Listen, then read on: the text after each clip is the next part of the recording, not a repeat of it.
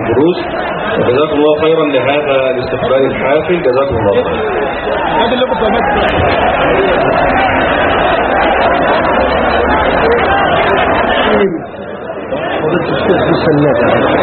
الحمد لله رب العالمين. والصلاة والسلام على أشرف المرسلين وخاتم النبيين ورحمة الله للعالمين. سيدنا محمد وعلى آله وصحبه أجمعين. السلام عليكم ورحمة الله وبركاته. إذا كنت في هم وضيق وفاقة وأصبحت مكروبا وأمسيت في حرج فصل على المختار من آل هاشم كثيرا فإن الله يأتيك بالفرج. اللهم صل وسلم على سيدنا محمد ما تعاقب الليل والنهار. اللهم صل وسلم على سيدنا محمد وارض عن ساداتنا من المهاجرين والأنصار. وصحبه وآل بيته وتابعيهم بإحسان. باسم أهالي الصعيد جميعا أرحب بالقدوم المبارك لفضيلة الشيخ المحدث فضيلة الشيخ أبي إسحاق الحويني. مد الله في عمره. آمين. مد الله في عمره. وبارك الله في خطوه. اللهم متعه بالصحة والعافية. اللهم متعه بالصحة والعافية. اللهم أنزل عليه الرحمة في بدنه. وفي أهله وولده. وبارك في خطواته ومحبيه. وفي كل من أنصت إلى حديثه يا رب العالمين لا أطيل عليكم فالجميع في شوق إلى كلام الشيخ وجهه فليتفضل مشكورا مجزيا من الله كل خير. ولكن اعلموا إخواني أن الإخوة هنا من قناة الناس والحافظ هم في عمل. حتى تعم الفائدة فيرى إخوانكم في كل مكان فهم ضيوف عليكم في الصعيد السعيد مع فضيلة الإمام الشيخ المحدث مد الله في عمره. آمين.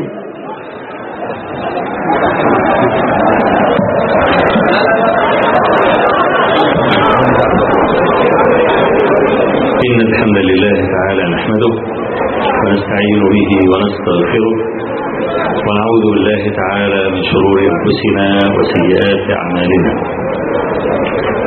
من يهد الله تعالى فلا مضل له ومن يضلل فلا هادي له.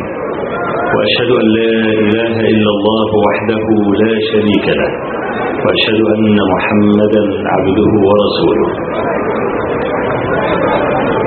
أما بعد فإن أصدق الحديث كتاب الله تعالى وأحسن الهدي هدي محمد صلى الله عليه وآله وسلم. وشر الأمور محدثاتها وكل محدثة بدعة وكل بدعة ضلالة وكل ضلالة في النار. اللهم صل على محمد وعلى آل محمد كما صليت على إبراهيم وعلى آل إبراهيم في العالمين إنك حميد مجيد. وبارك على محمد وعلى آل محمد كما باركت على إبراهيم وعلى آل إبراهيم. في العالمين إنك حميد مجيد. فلقد كانت أمنية لي أن آتي إلى هذا المكان. وقد حاولت عدة مرات أن آتي إلى الصعيد ولكن كان الطلب يقابل بالرفض دائما.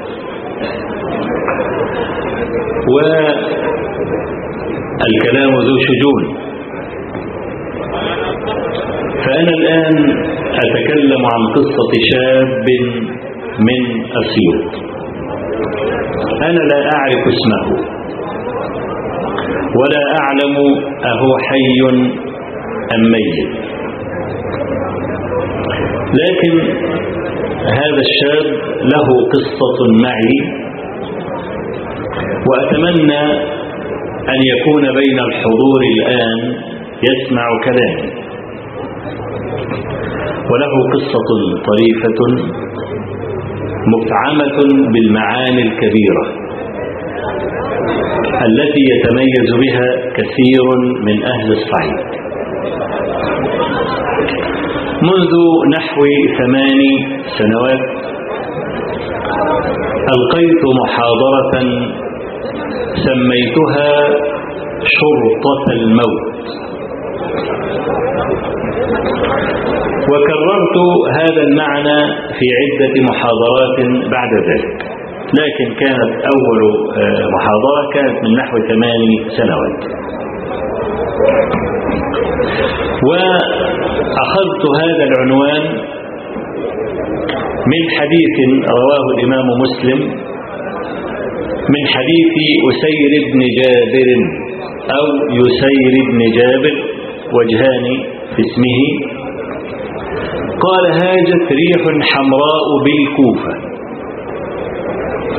فجاء رجل إلى عبد الله بن مسعود رضي الله عنه ليس له هجيرا أي ليس له دأب ولا شأن إلا أن يقول يا عبد الله بن مسعود جاءت الساعة. وكان متكئا فقعد. وقال لا تقوم الساعة حتى لا يقسم ميراث ولا يفرح بغنيمة. ثم أشار بيده جهة الشام. وقال عدو يجمعون لأهل الإسلام ويجمع أهل الإسلام لهم. قيل له الروم تعني؟ قال نعم. قال أن الروم يأتون ليقاتلون أهل الإسلام فيشترط المسلمون شرطة للموت لا ترجع إلا غالبا. أنا أخذت الاسم من حديث فيتقاتلون حتى يحجز بينهم الليل. فيفيء هؤلاء وهؤلاء كل غير غالب وتفنى الشرطة. أي أن شرطة المسلمين تقتل عن آخرها. والشرطة هنا هي القطعة من الجيش. قال وفي اليوم الثاني يشترط المسلمون شرطة للموت لا ترجع إلا غالبا.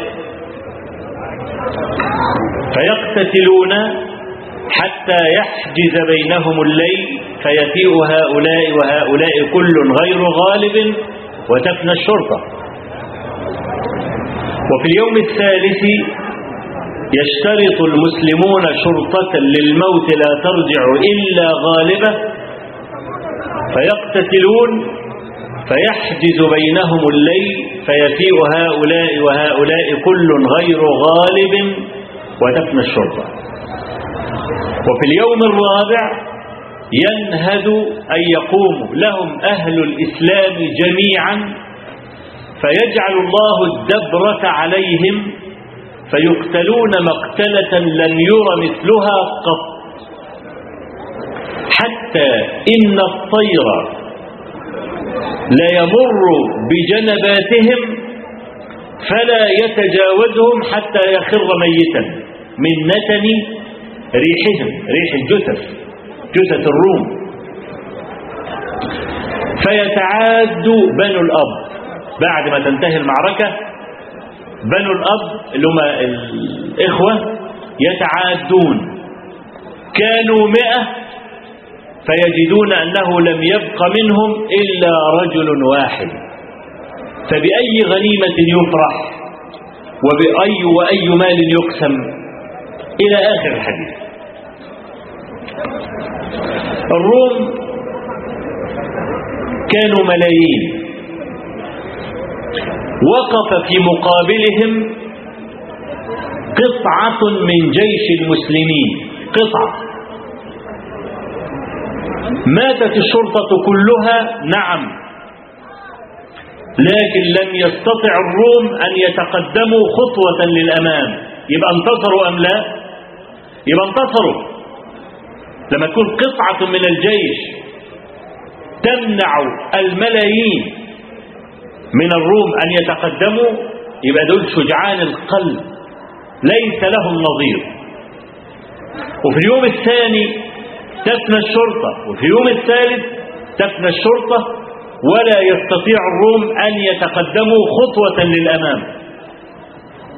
على عادة المسلمين إذا تعلقوا بأهداب الدين لا يغلبوا.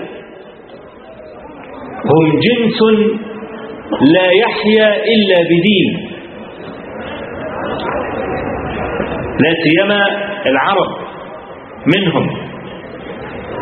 جنس له خصائص عجيبة. تباين خصائص الجنس البشري. ولذلك تجد الرجل الغربي يزني ثم يزني ثم يزني ثم يقوم فينتج. يشرب الخمر ثم يشرب الخمر ثم يشرب الخمر وينتج. حضارة الآن كلها حضارة غربية. الذين فعلوها وصنعوها بررة أم فجرة؟ لا شك أنهم فجرة. طب كيف ارتقوا؟ عندهم المنظومة مختلفة. الزنا عندهم لا يمنع من الإنتاج. إنما الرجل العربي إذا زنى يزني ثم يزني ويبلط في الخط لا يفيق إذا شرب الخمر يظل يشرب الخمر ثم يشرب الخمر ولا يفيق. أنا أذكر قصة رجل من الخليج سنة 75 قرأت الحكاية دي كان في لندن وفي الإشارة كان معاه عدة رزم من الجنيه الاسترليني نزل من السيارة وفك الأستك وقام رامي الإيه؟ الفلوس في الهواء. فانت عارف بقى كل الإنجليز فتحوا الابواب وكل واحد إيه أخذ ما تيسر فلما سئل عن هذا الموقف قال أردت أن أراهم أذلة يحنون الرؤوس أمامي. أيها الذليل السيارة التي تركبها من صنع أيديهم ساعة يدك من صنع أيديهم. قماش بذتك من صنع أيديهم. جوربك الذي تلبسه من صنع أيديهم. نعلك الذي تلبسه من صنع أيديهم. أنت لا تملك إلا جلدك. هذا هو الذي تملكه فالجنس العربي جنس إذا أغرقته في الشهوات لا يخرج إطلاقا. لقد أنفق العرب ثمانين سنة من عمرهم في حربين لفحل وناقة. حرب البسوس استمرت أربعين سنة حتى كاد العرب أن يتفانوا. وداحس الغبراء استمرت أربعين سنة. ليه؟ لأجل فحل وناقة. أنا لا أتخيل إن أن ثمانين سنة تضيع من عمر العرب لفحل وناقة إلا أن يكونوا حمقى. وظل العرب هكذا على حاشية الدنيا لا قيمة لهم. حتى بعث الله عز وجل نبيه صلى الله عليه وسلم. ماذا فعل هؤلاء العرب؟ لما جاء النبي عليه الصلاة والسلام في سنوات لا تعد شيئا من أعمار الأمم استطاع أن يقيم دولة كاملة لكن برجال. لما ربطهم بالوحي المنزل من السماء تغيروا تغيرا كاملا وفعلوا ما يشبه الأساطير.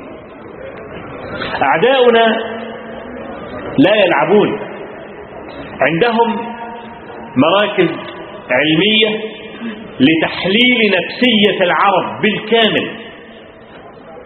فعلموا أن أكبر داء يجعلهم يرتبطون بالأرض ولا تقوم لهم قائمة هي الشهوات.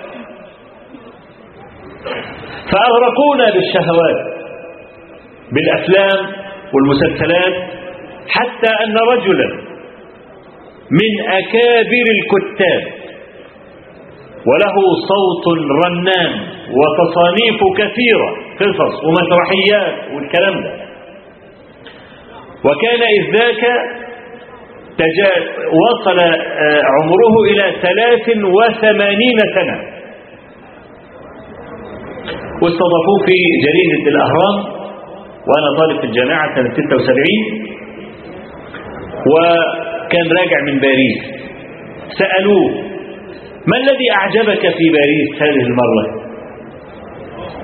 لم يجد شيئا في فرنسا كلها. أعجبه إلا الزواج الجماعي. الزواج الجماعي؟ كل واحد يجيب مراته ويتبادلون الزوجات طب يبدو ابن 83 سنة. ها؟ يعني فنيت قوتك. الكلام ده يقوله شاب مليان بالفتوة والشبق وشاب بكل شهوة والكلام ده. ده انت 83 سنة. يعني ما بقي في الكرم إلا الحطب كما يقول أهل الشام. مش عاجبك غير الزواج الجماعي؟ بدل ما ينقل لنا يقول لنا الميراج وال والصناعات العسكرية والكلام ده جاي عايز ينقل الزواج الجماعي هؤلاء من يسمون أنفسهم النخبة لحد النهارده. وهم الذين شكلوا ضمائر الأمة في القرن المنصرم. لذلك لم تكن لنا قائمة. المصانع اللي عندنا إحنا عندنا مصانع؟ البلاد العربية بالكامل استطاع أن تصنع سيارة مشتركة حتى؟ أبدا. طب إحنا شغلتنا إيه؟ بنقفل. هذا اللي إحنا بنعمله. نقفل. يقول لك مراوح نقفلها عربيات نقفلها مش عارفين نقفلها شغالين في التقفيل. هذا اللي إحنا بنعمله. ولم ننتج. السبب إيه؟ إنهم أطلقوا علينا مارد الشهوات وظنوا علينا بما يرفعنا. نحن إذا أردنا أن نستمد العزة أن نستجلب العزة مرة أخرى لا يوجد مركب إلا الدين. فلما ألقيت المحاضرة وكان هذا الوقت وقت شتاء. وخرجت أصلي الفجر فإذا بشاب ينام أمام البيت. أيقظته عشان أعرف من هو. فوقف فزعا. قلت له يا ابني انت مين قال لي أنا من شرطة الموت. أنا نسيت لأن كان مضى عدة أشهر على المحاضرة. ولسه قايم من النوم ورايح أصلي الفجر فدماغي برضه مش جايبة. موضوع شرطة الموت والكلام ده. فقلت له إيه شرطة الموت دي؟ قال لي أنا سمعت الشريط بتاعك. قلت له من أي البلاد أنت؟ قال لي أنا من أسيوط. قلت له متى أتيت؟ قال لي الساعة واحدة أنا كنت قدام البيت عندك.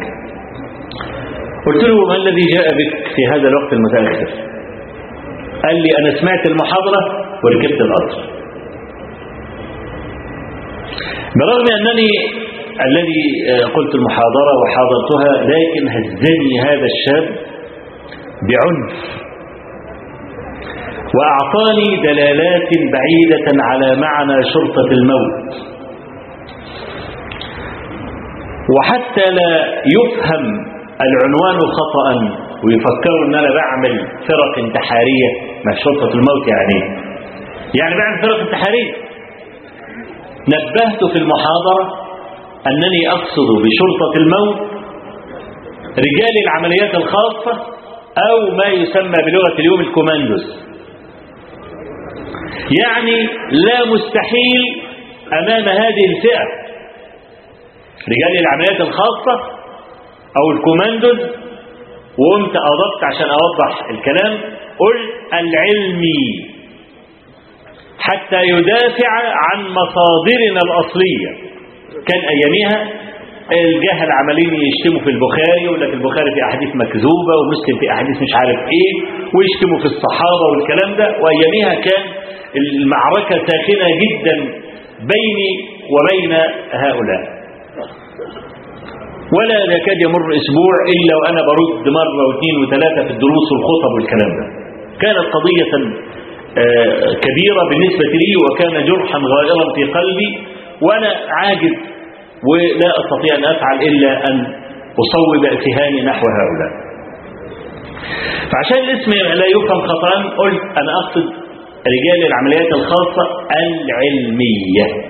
وقمت قايل كده عشان ما تفهمش خطأ. ليه؟ لأن أحيانا كثيرة بسبب مثل هذه العناوين أو المحاضرات كنت أستدعى ويحصل معي تحقيق. ومرة حصل معي تحقيق من بعد صلاة العشاء إلى أن أذن مؤذن الفجر. غير حوالي سبع ساعات. تحقيق واستجواب والكلام ده وليه؟ وكان يناقشني ثلاثة في الأول وبعدين وصلوا سبعة بعد كده لحد ما أتى رئيس الجهاز شخصيا وظل معي خمس دقائق يكلمني في بعض المسائل والحاجات دي. فكان في مشاكل بسبب المسألة دي. فقلت أنا أريد جنسا من هذه الأمة وهم كثر يمثلون هذا المعنى. يكونون شرطة للموت لا ترجع إلا غالبة أبعته مهمة حاجة من اثنين.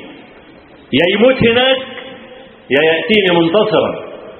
لا يأتي يقول أنا عجزت أنا لم أستطع. ده ما ينفعش يركن على جنب. عايزات فدائيين. وأقصد بالفدائي يكون دارس. دارس علوم الآلات أصول العربية أصول الفقه أصول الحديث. من صغره ونذر نفسه لذلك. وهذه محنة كبيرة جدا. أحد أهم أسبابها ضياع الهدف عند الآباء. لا يعرفون لماذا خلقوا ولا يعرفون كيف يربون أبناءهم؟ حد النهاردة لما أنت تكون بحفظ ابنك القرآن وبتشد عليك الكتاب والكلام ده يقول لك يا أخي ضيعت طفولة الولد. ده عيل صغير متى يلعب الولد ده؟ هتعملوا له عقد نفسية. زي واحد من إخواننا الغلابة المساكين ابنه يعني كان حافظ أحاديث وحافظ القرآن وبيقول خطب وبتاع. خدوا في بعض القنوات الفضائية علشان يبين موهبة ابنه. استضافوه في قناة من القنوات. اياها دي اللي أنتوا عارفينها. وجابوا طبيب نفسي. ضيف الحلقة. طبيب نفسي. أمام الرجل المسكين الغلبان وابنه. قال له لقد ضيعت طفولة ابنك. متى يلعب هذا الولد؟ متى يستمتع بطفولته؟ ومتى وقعد يقرعه؟ وهو طبعا غلبان بصمجي ما مش عارف يتكلم.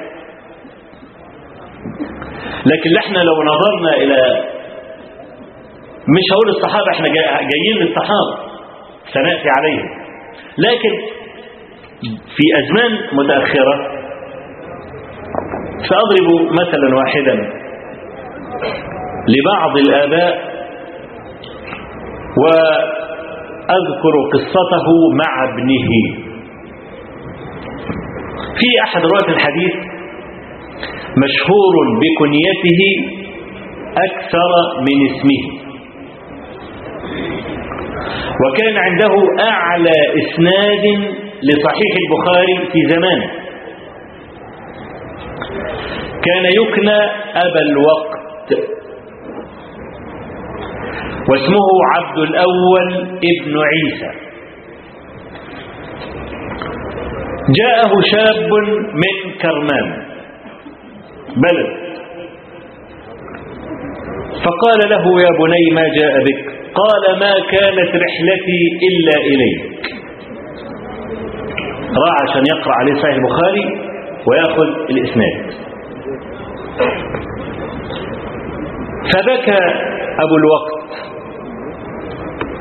وحكى قصته لهذا الشاب الذي جاء من كرمان. قال كان أبي يأخذني معه وأنا دون الست سنوات لأطلب الحديث معه. مر على الشيوخ ليسمع ولده أحاديث النبي عليه الصلاة والسلام. فكان يأمر هذا الولد أن يحمل حجرا ثقيلا في كل يد. زي آلة طوب كده.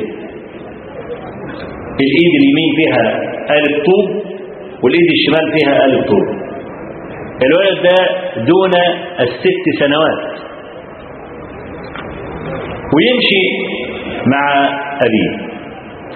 ولد أقل من ست سنوات وشايف البنت وأبوه كان رجلا طوالا وصفوه بذلك. فتخيل رجل طويل لما يقوم فاتح رجله عشان يعمل خطوة ابنه علشان يبقى ماشي في نفس مستواه يبقى بيعمل إيه؟ بيجري. لأن هو رجله قصيره والتاني رجله طويلة هي خطوة واحدة منه التاني لازم يجري قباله وشايل قلبين طوب فيوم يقول إيه فأتعب فأتأخر. فينظر إلي ويقول ما لك تأخرت؟ أتعب؟ فيقول فأقول له من خوفي لا. يقول ما يؤخرك إذا؟ فالولد يضاعف الايه السرعة بتاعته. فإذا بدا علي الإرهاب يقول ألقي حجرا. بدل ما شايل حجرين يشيل إيه؟ حجرا واحدا برضه يتأخر عنه يبص له يقول الواد يجري يقول له ما لك أتعب؟ يقول له لا. حتى إذا شعر الأب بأن الولد أعيا يقول له ارمي الحجر الثاني. ويمشي وباله مع إن مفيش في إيديه حجر أهو بس قوته راحت. خلاص. قال فإذا تأخرت عنه وتعبت حملني على كتفيه فيمر بنا الركبان ناس قوافل يقول يا شيخ عيسى تعال اركب أو هات ولدك. فيقول لهم معاذ الله أن أركب في طلب حديث رسول الله صلى الله عليه وسلم. بل أمشي. وما رؤي يركب دابة قط. الأب ده مفتري. آه مفتري في الزمن بتاعنا والتحليل النفسي والكلام ده. مفتري وعايز قطع رقبته لماذا فعل الشيخ عيسى مع ابنه عبد الأول هذا الكلام؟ أليس أبا ككل الآباء؟ نعم. لكنه أراد أن يربي إرادة عند الولد. أراد أن يحمله المسؤولية والشدائد ويمشي. هكذا هداه تفكيره. وقد صدق حدسه في ابنه عبد الأول بن عيسى أبو الوقت. هذا الوقت. صار عنده أعلى إسناد لصحيح البخاري في العالم. ولذلك المعتنين بالأسانيد والرجال والكلام ده يجدون أبا الوقت في كل أسانيد البخاري تقريبا في الطبقات المتأخرة عنه.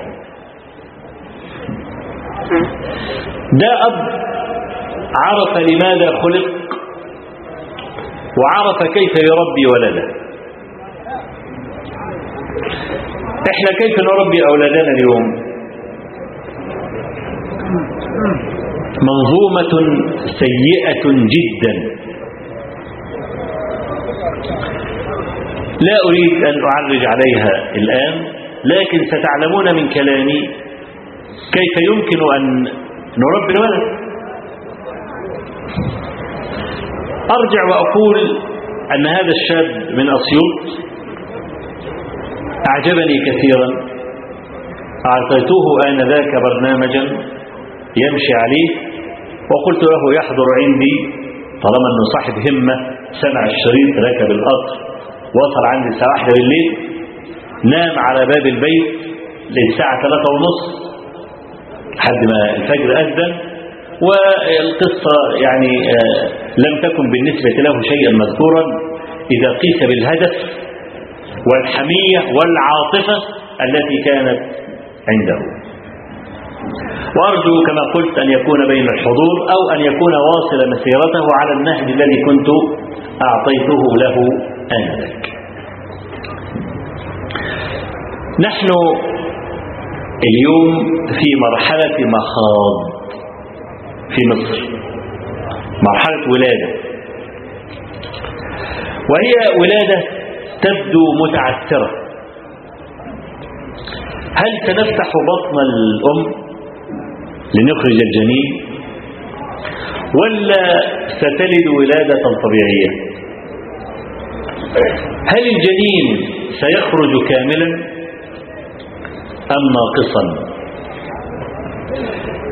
أذكى الناس لا يستطيع أن يجيب عن هذا السؤال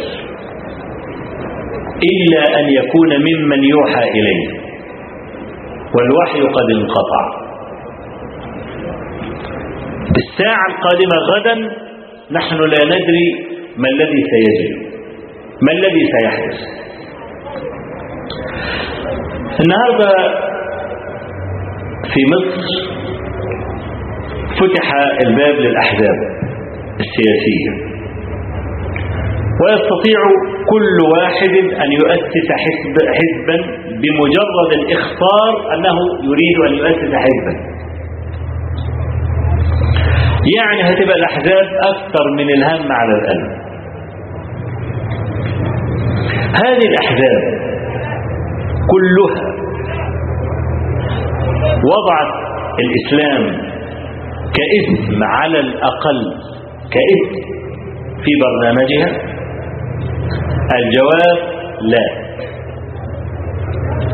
ونتكلم على الأحزاب النمطية اللي كانت موجودة والأحزاب التي ستنشأ بمجرد الإخطار أنها تريد أن تؤسس حزبا فيما عدا التيار الإسلامي عموما يعني أنا بركنه على جنب وبتكلم عن عشرات أو مئات الأحزاب التي ستكون في مصر فيما بعد. في واحد منهم وضع كلمة الإسلام كإسلام في برنامج الحزب. الجواب لا. هل الأحزاب ظاهرة صحية؟ الجواب لا. كثرة الأحزاب ظاهرة مرضية. ليه؟ لأن الله عز وجل نهانا عن التفرق والتحزب. إلا لحزب الله الحق. فقط. ده اللي إحنا نتحزب له. كل حزب له برنامج إذا وصل إلى الحكم سينفذه. كأن الله عز وجل ما أرسل رسولا ولا أنزل كتابا. وحصروا الدين في المساجد فإذا فارقت المسجد وخرجت من عتبة المسجد حكمك القانون. وليس الإسلام. فلا ندري المرحلة القادمة كيف تكون. وهذه الجامعات مفتوحة على مصراعيها. كل جامعة كل يوم فيها واحد بيدعو إلى حزبه واحد بيدعو إلى الاستراتيجية بتاعته وإلى آخره وكلهم يراهن على الشباب. كله عايز يخطف قلوب الشباب ويخطف عقولهم. أنا أذكر لكم الآن موقفا لسبعين شابا في أول الإسلام. لأننا نريد مئات أو ألوف النسخ من هؤلاء. إذا وجد فينا أمثال هؤلاء نستطيع أن نتقدم الأمم في سنوات معدودات.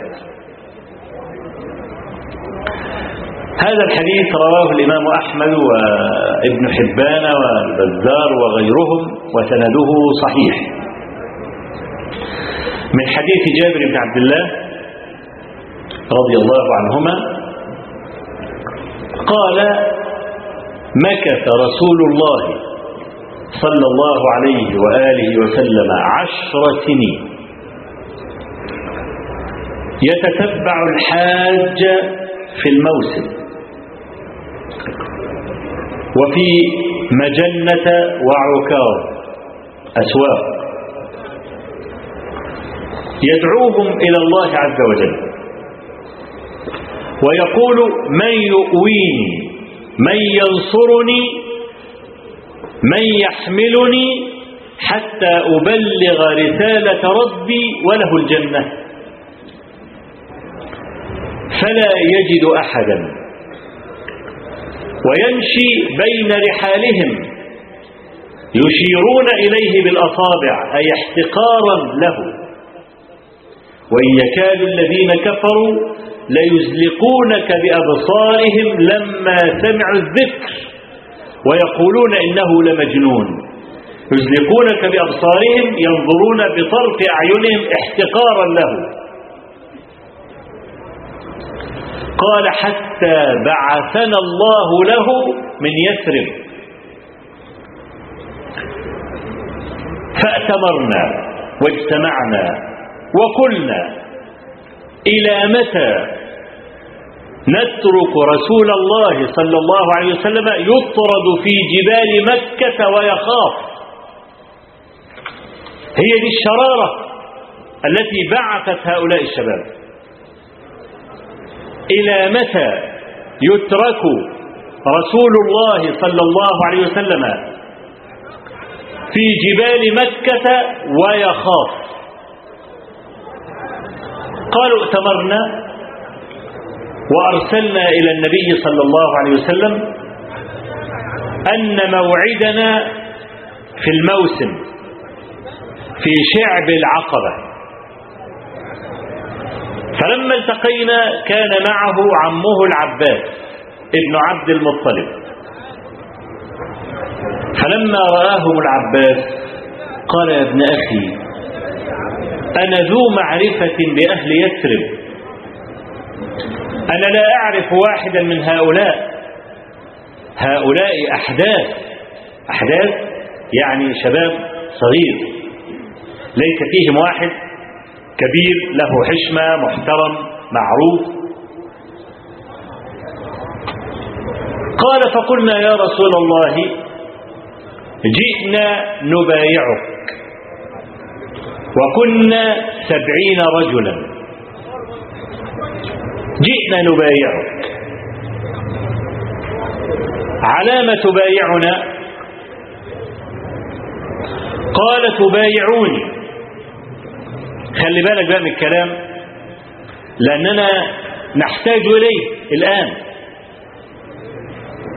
تبايعوني على السمع والطاعة في النشاط والكسل. وعلى النفقة في العسر واليسر. وعلى الأمر بالمعروف والنهي عن المنكر. يبقى دي كام؟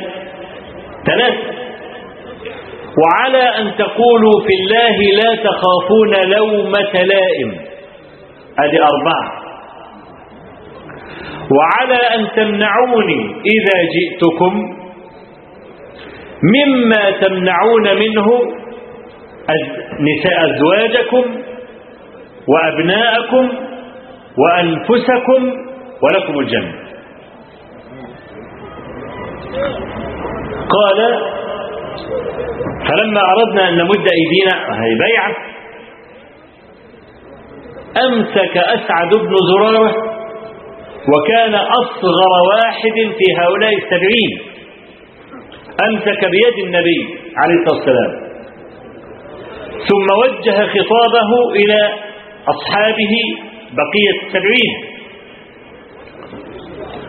قال لهم يا قوم والله ما ضربنا إليه أكباد الإبل إلا ونحن نعلم أنه رسول الله. ولكن مبايعته تعني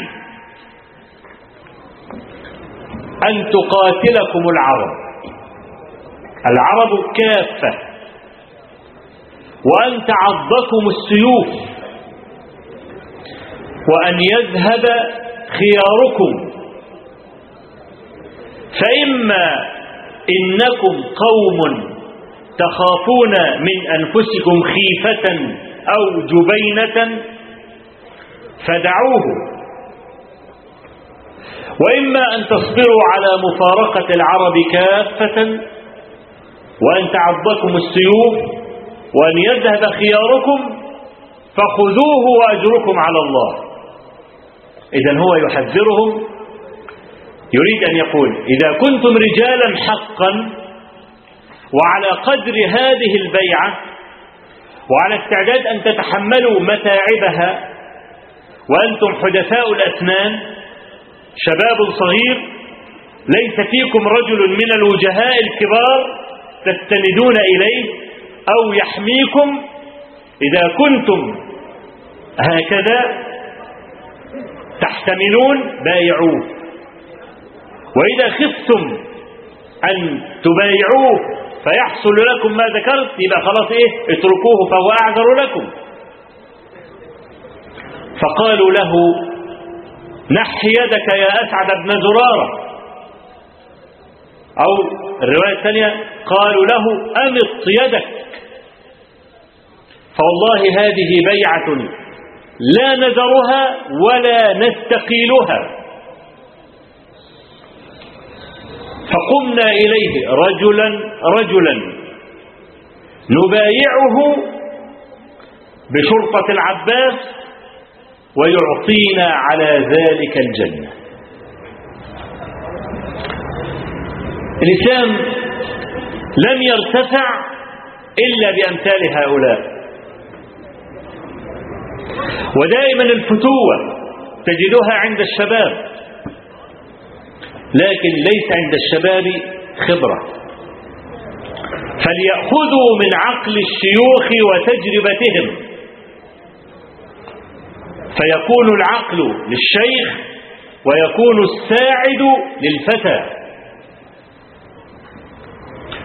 لما حطم إبراهيم عليه السلام الأصنام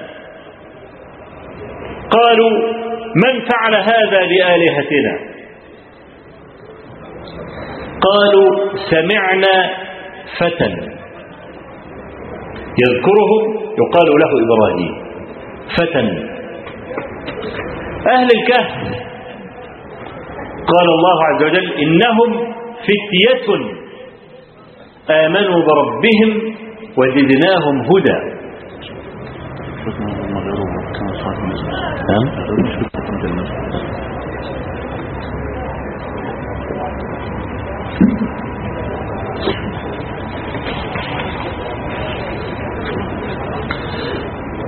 قال تعالى إنهم فتية آمنوا بربهم وزدناهم هدى. كانت الصحابة أعاجيب. أنا لو قلت لكم جميعا. لو إن رجل أراد أن يذهب إلى دولة غربية يروح بريطانيا يروح فرنسا يروح ألمانيا يروح أمريكا. وأراد أن يتعلم الإنجليزية أو الفرنسية أو الألمانية أو الإسبانية أو الإيطالية أو الروسية أي لغة من اللغات. ويصير كأنه واحد من أهل من أهل هذه اللغة. ياخذ كم سنة؟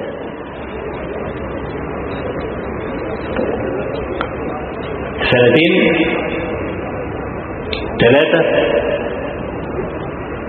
خلي بالك إن اللغة أي واحد غريب عن اللغة لم ينشأ فيها لابد أن يظهر لأهل البلد أنه أجنبي. مهما كان ماهرا لأن أهل البلد لهم لكنة. اللكنة دي تكون مفهومة عند أهل البلد. فمهما كان ماهرا لابد يتعرف إن ده غريب أجنبي.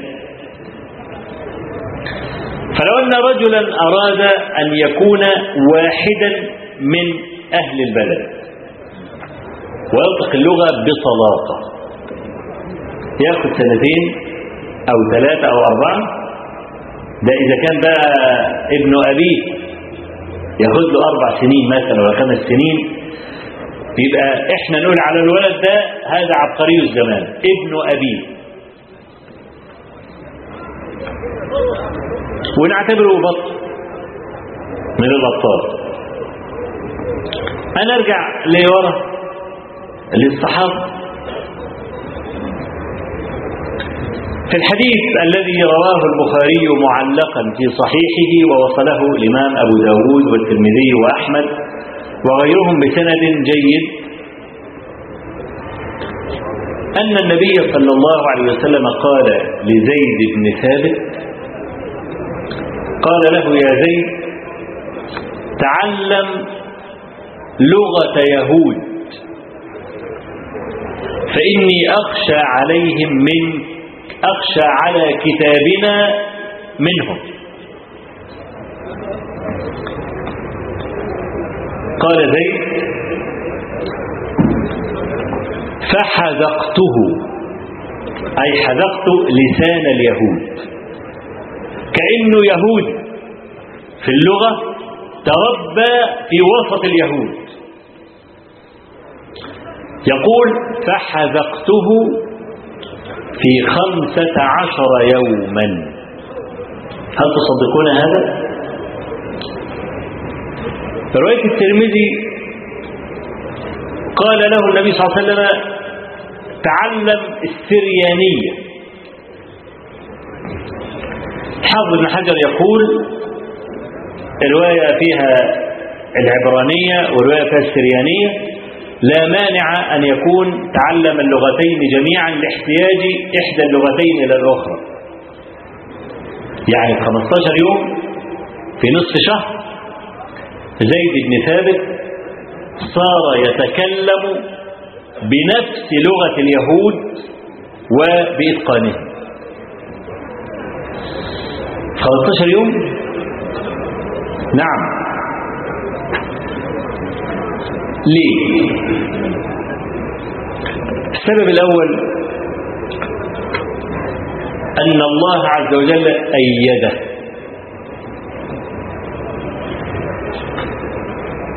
السبب الثاني المباشر أنه قال إني أخشى على كتابنا. يكفي أن يقول النبي صلى الله عليه وسلم له إني أخاف على القرآن حتى لا ينام زيد. لو أنني قلت لكم يا شباب الأمة إننا نخشى على سنة نبينا لأن القرآن محفوظ وطالما حفظ النص يبقى إحنا حتى لو حصل تحريف للنص سنجد من يفسره تفسيرا صحيحا بخلاف ما إذا حرف النص. التأويل ممكن نعارض التأويل ونرده لكن لو النص نفسه حرف ما الذي في يدي؟ حتى يكون الفهم صحيحا. لا. وكل الله عز وجل التوراة لليهود فحرفوها وكل الإنجيل للنصارى فحرفوه فلم يكل القرآن للمسلمين. ولو وكله للمسلمين لوجد فيهم من يحرفه. كما فعلت فعل فعلت الأمم السابقة. واحد علماني في برنامج تلفزيوني. بقول له ربنا سبحانه وتعالى بيقول في سورة الرمز فالراجل له ما فيش حاجة في القرآن اسمها سورة الرمز. قال له أنا قاريها كده سورة الرمز. وفاتح المصحف لأنه مش حافظ وعمال يقرأ. قال له دي اسمها سورة الزمر. يعني واحد مش عارف مش عارف النقطة رايحة فين. عمال له سورة الرمز وهم دول أكثر الناس كلاما الآن. تفتح قناة فضائية كل واحد خامل لا قيمة له بينفذ المثل سامح الله قائله. إذا كنت خاملا فتعلق بعظيم. بس واحد ملوش قيمة. يشتم واحد مشهور. خلاص يبقى كده اتشهر هو كمان. فيجي يطعن على صحيح البخاري ويطعن على صحيح مسلم يقول لك ده حديث مكذوب وده حديث مش عارف إيه. ولا يحترمون التخصص في الدين. إنما إذا اتكلمت أنت في الطب مثلا يقول لك لا مؤاخذه أنت بتتكلم في الطب ليه. حتى لو كان كلامك صحيحا. يعني أنا أنا عندي ثقافة طبية. ليه؟ كثير من إخواني أساتذة في كلية الطب و... وإخواتي دكاترة والكلام ده. وأنا كنت نفسي أبقى دكتور وأدخل كلية الطب. لكن بقيت دندول ودخلت الادب هي دلوقتي من كليات القمة صحيح بس في زماننا ما كانش لها قيمة خلاص. فعارف معلومات طبية كثيرة وأقدر أتناقش. ولما بعد ما أسجل كلية الطب لما يقول الجملة أنا بكملها لي يقول لي بالظبط زي ما أنت بتقول. ومع ذلك لا يجوز لي أن أتكلم في الطب. ببساطة شديدة أكلم عوضين وعتريس وأنا ما أقصدش الأسماء يعني. ماشي ان الجماعه البصمجية آه أكلمهم معنى العالم أستاذ العالمين وبتاع والكلام ده. ماشي لكن ما ينفعش أجي في وسط دكاترة اساتذه كل طب وأعمل فيها بتاع. ها؟ لا دول عندهم بجاحه وعندهم قلة حياء. وليس في وجوههم قطرة ماء. لما يطلع يتكلم عن صحيح البخاري يقول لك الحديث ده مكذوب. والحديث ده مش عارف إيه والكلام ده. طيب لما مصادرنا الأصلية تبقى مكشوفة الحدود إيه النتيجة؟ النتيجة أنك لن تجد نصا بعد ذلك حتى ترتكن إليه. هي دي المصيبة. فمصادرنا الأصلية معرضة للخطر. وأنا أقولها بصراحة. وقد قلتها مرارا قبل ذلك لكن أقولها الآن لأن جد على الساحة جديد وألوف الشباب انضموا إلى الحركة الإسلامية العلمية وبدأوا يفتحوا أذهانهم وبدأوا يستمعون إلينا والكلام ده. فأنا أكرر الكلام. أقول لو أن بلاد المسلمين احتلت كلها لم يبق منها شبر هذا أهون ألف مرة من أن يسقط صحيح البخاري. لأن صحيح البخاري هو ديننا. أرضنا يمكن أن نحررها. ممكن نقاتل إلى آخر نفس ونطرد العدو من الأرض. لكن إذا سقط سقط كتاب مثل البخاري. ما هي مغبة هذا السقوط؟ أن يسقط دينك. ولا عوض عن هذا الدين. والغريب يا أخي إن الإمام البخاري هو الوحيد الوحيد الذي نال كل هذا القسط من الهجوم. مع إن الحديث ممكن يكون رواه مسلم. وبقية الستة أبو داود والترمذي وابن ماجه والنسائي ويكون أحمد رواه كمان وأصحاب المسانيد رووه. ها؟ ممكن حديث يكون متفق عليه مش في الكتب الستة بس لا وفي المسانيد كمان. يوم يا أخي ما يتكلموش إلا في البخاري لوحده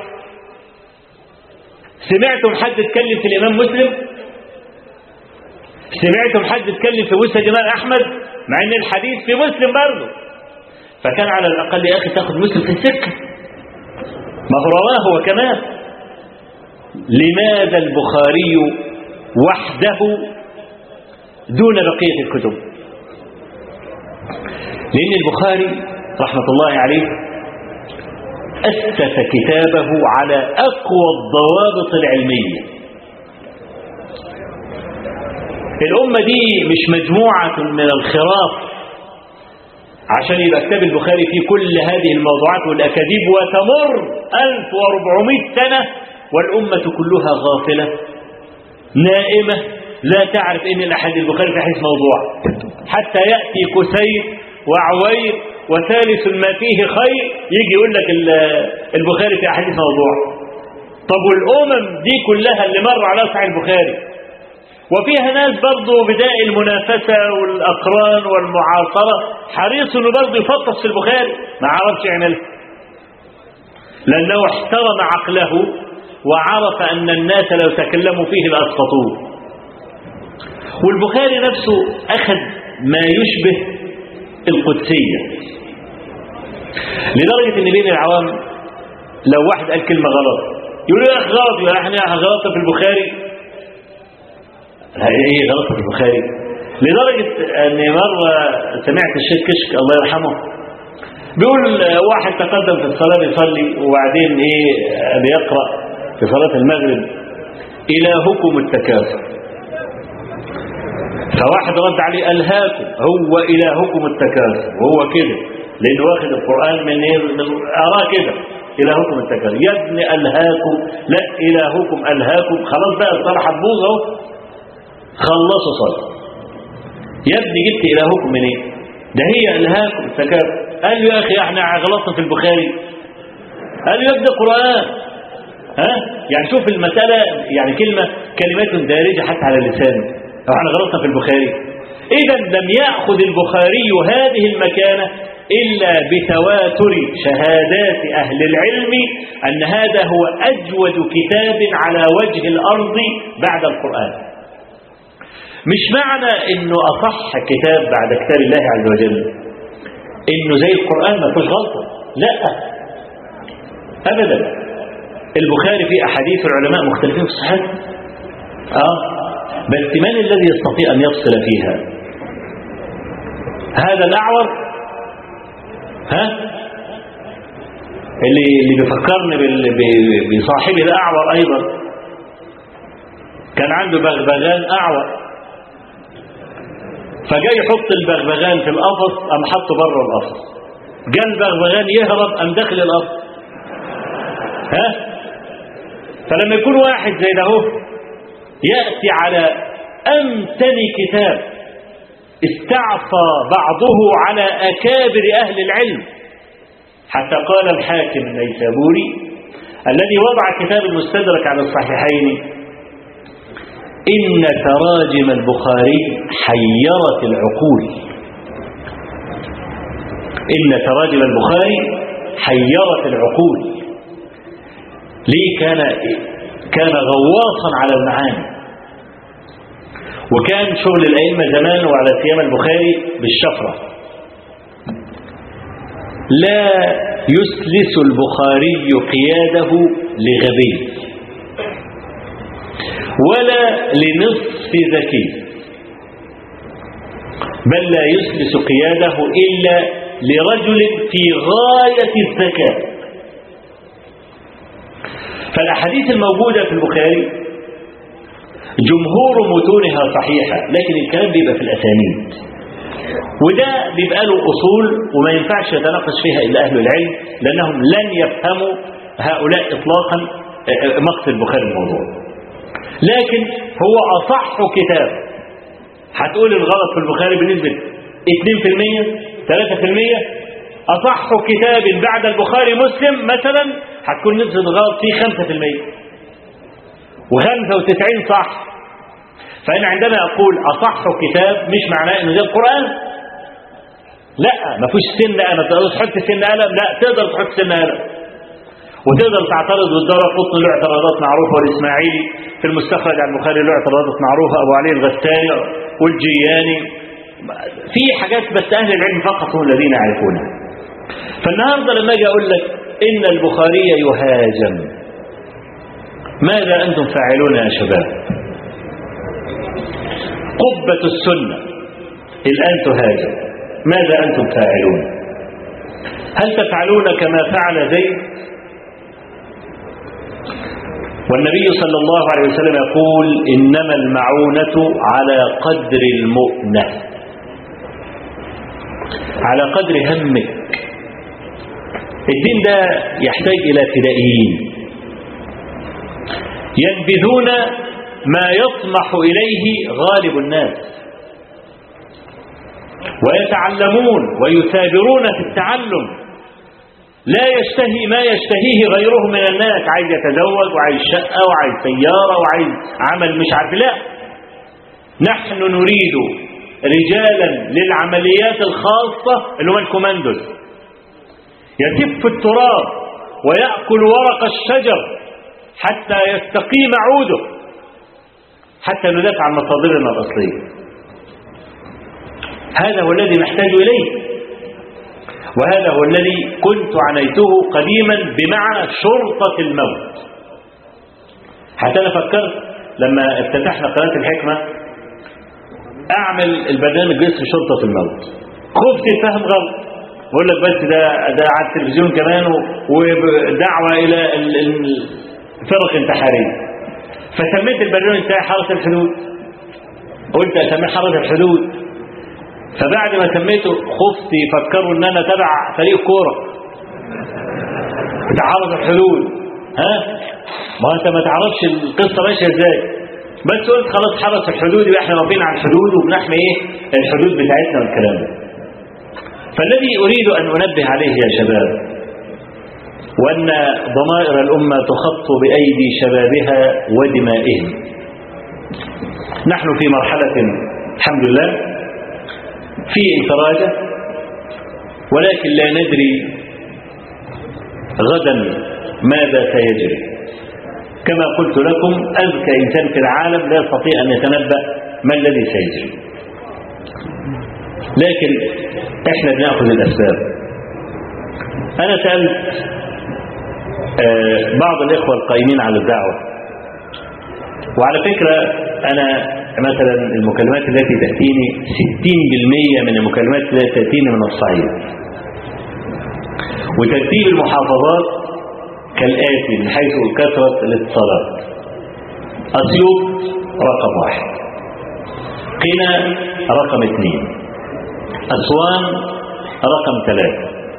سوهاج رقم أربعة. وبعدين تأتي المنيا وبني سويف والفيوم.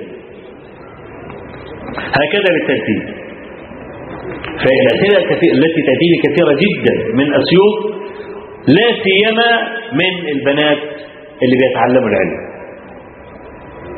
كثرة ملفتة. فأنا سألت الشباب قلت له يا شباب من رأسكم في أسيوط؟ قالوا والله إحنا كلنا في حدود 30 سنة. 35 ثلاثينات يعني. قال لهم ليس يعني فيكم شيخ كبير حتى شاب رأسه بحكم السن يمكن أن تجتمع عليه قالوا لا. أحزنني هذا كثيرا لأن عالم الشباب محقور كما قال ابن المبارك. طول ما أنت لحيتك لسه سودة يبقى أنت عايز ما الناس كده. لكن لو لحيتك ابيضت يا مولانا يا فضيلة الشيخ طالما لحيتك بيض أنا مش عايز بقى حد يروح يوم عاملها دقيق ولا حاجة ها؟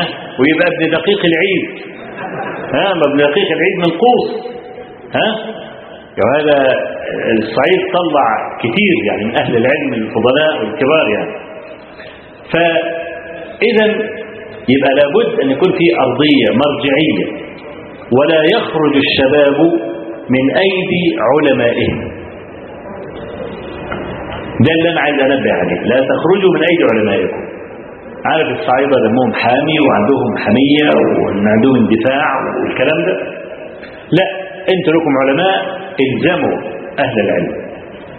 زمان لما إحنا ابتدينا الدعوة في سنة 75 وأنا طالب في ثانوي ولسه هعدي جامعة لم يكن لنا شيخ. واتعلمنا على مذهب أبو دراع. يعني على دراعي اتعلمت على دراعي يعني. أهابر في الناس وهابروا فيا وأطقش فيهم يطقشوا فيا. اتعلمنا بالجهد واتعلمنا بالمشقة. وكان في أشياء ما كناش فاهمينها. وأنا أعترف بهذا عشان كده عايز شبابنا يتعلم. يعني لما أحببنا مثلا أن نحيي سنة المغرب القبلية. النبي صلى الله عليه وسلم قال صلوا قبل المغرب صلوا قبل المغرب صلوا قبل المغرب. لمن شاء؟ أنا قريت الحديث ولم أرى إطلاقا لمن شاء دي. وكنا حاضرين عند شيخنا الشيخ محمد نجيب المطيعي ودرس أصول الفقه كده واتكلم وعارفين إن الأمر للوجوب. فكلمة صلوا أمر يبقى اذا ركعتين قبل المغرب إيه؟ واجبة. والعالم عندنا في البلد يقول لك المغرب غريب. وقال صلى الله عليه وسلم المغرب جوهرة فالتقطوها. أنا ما أعرفش جايبينه منين.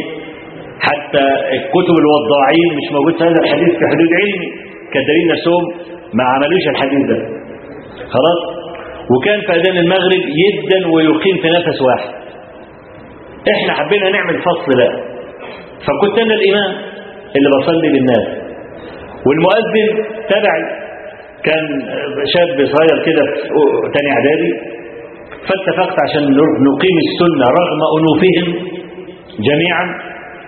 إن أنا هقف في القبله يا ابني. أول ما تخلص أذان هقول الله أكبر.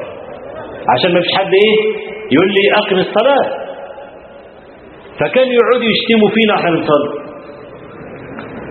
وأنا مستغرب. طب بدل ما انت قاعد تشتمني على طول ما تقوم يا أخي تركع حاجة. صلي لك ركعتين ولا حاجة؟ ما كانش يصلي ركعتين.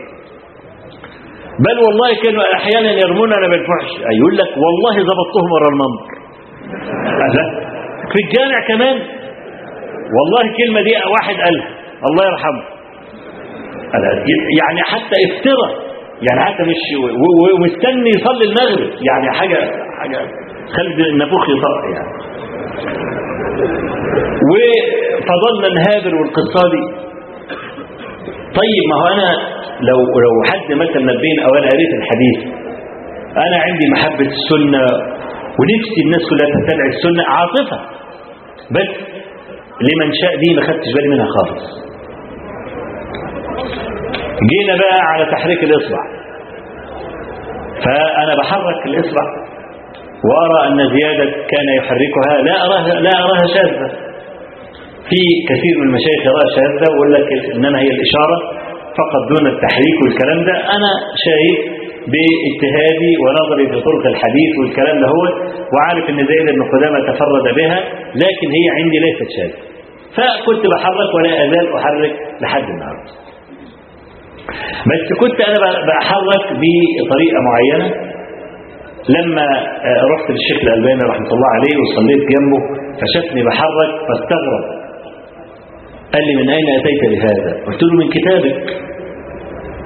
وصفة صلاة النبي صلى الله عليه وسلم. قال أنا لا أقول بهذا. أنا شكيت في عقلي. أنا لا أقول بهذا. الشيء بقول لك يحركها أنا كنت بعمل كده. كده. واخد بالك؟ لا الشيخ قال لي لا. أنا ده اسمه خفض ورفع. اسمه إيه؟ خفض ورفع. والحديث قال يحركها. فأنت زودت على المعنى. له طب أحرك إزاي؟ قال لي تثبت إصبعك ناحية القبلة وتحركه في مكانه هكذا سريعا ولا تصرفه عن القبلة. يعني حتى ما تعملش كده. كده خفض ورفع.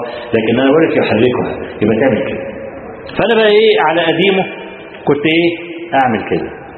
فطبعا اللي بيصلي جنبي راجل فلاح واللي بيصلي على شمالي يميني فلاح وشمالي فلاح من العلبة بقى من عندنا.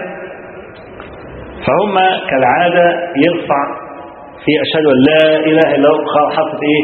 صباع وخلصنا لا هو شايف أنا طول الصلاة عمل إيه؟ أعمل له كده. واخد بالك؟ فأول ما خلصت الصلاة فقول لي هو أنت بتنطر دود؟ قلت له أنت بتستهزئ السنة دي سنة النبي. كيف تستهزئ السنة وهو بيقول إيه؟ طل ولخبط الدنيا جلسة استراحة. جلسة استراحة تكون في وتر من الصلاة. يعني في الركعة الأولى والثالثة لأن بعد الركعة الثانية في إيه؟ تشهد.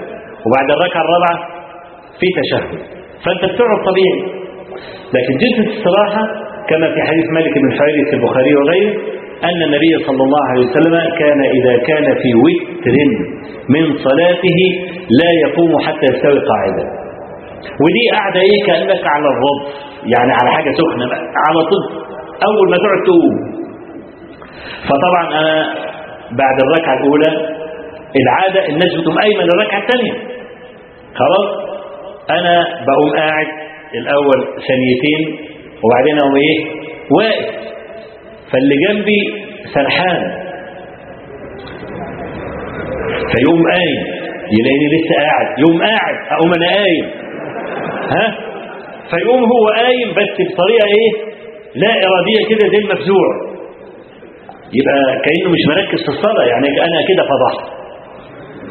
لأنه مش مركز في الصلاة. بعد الصلاة لازم تحصل خناقة بينه وبينه.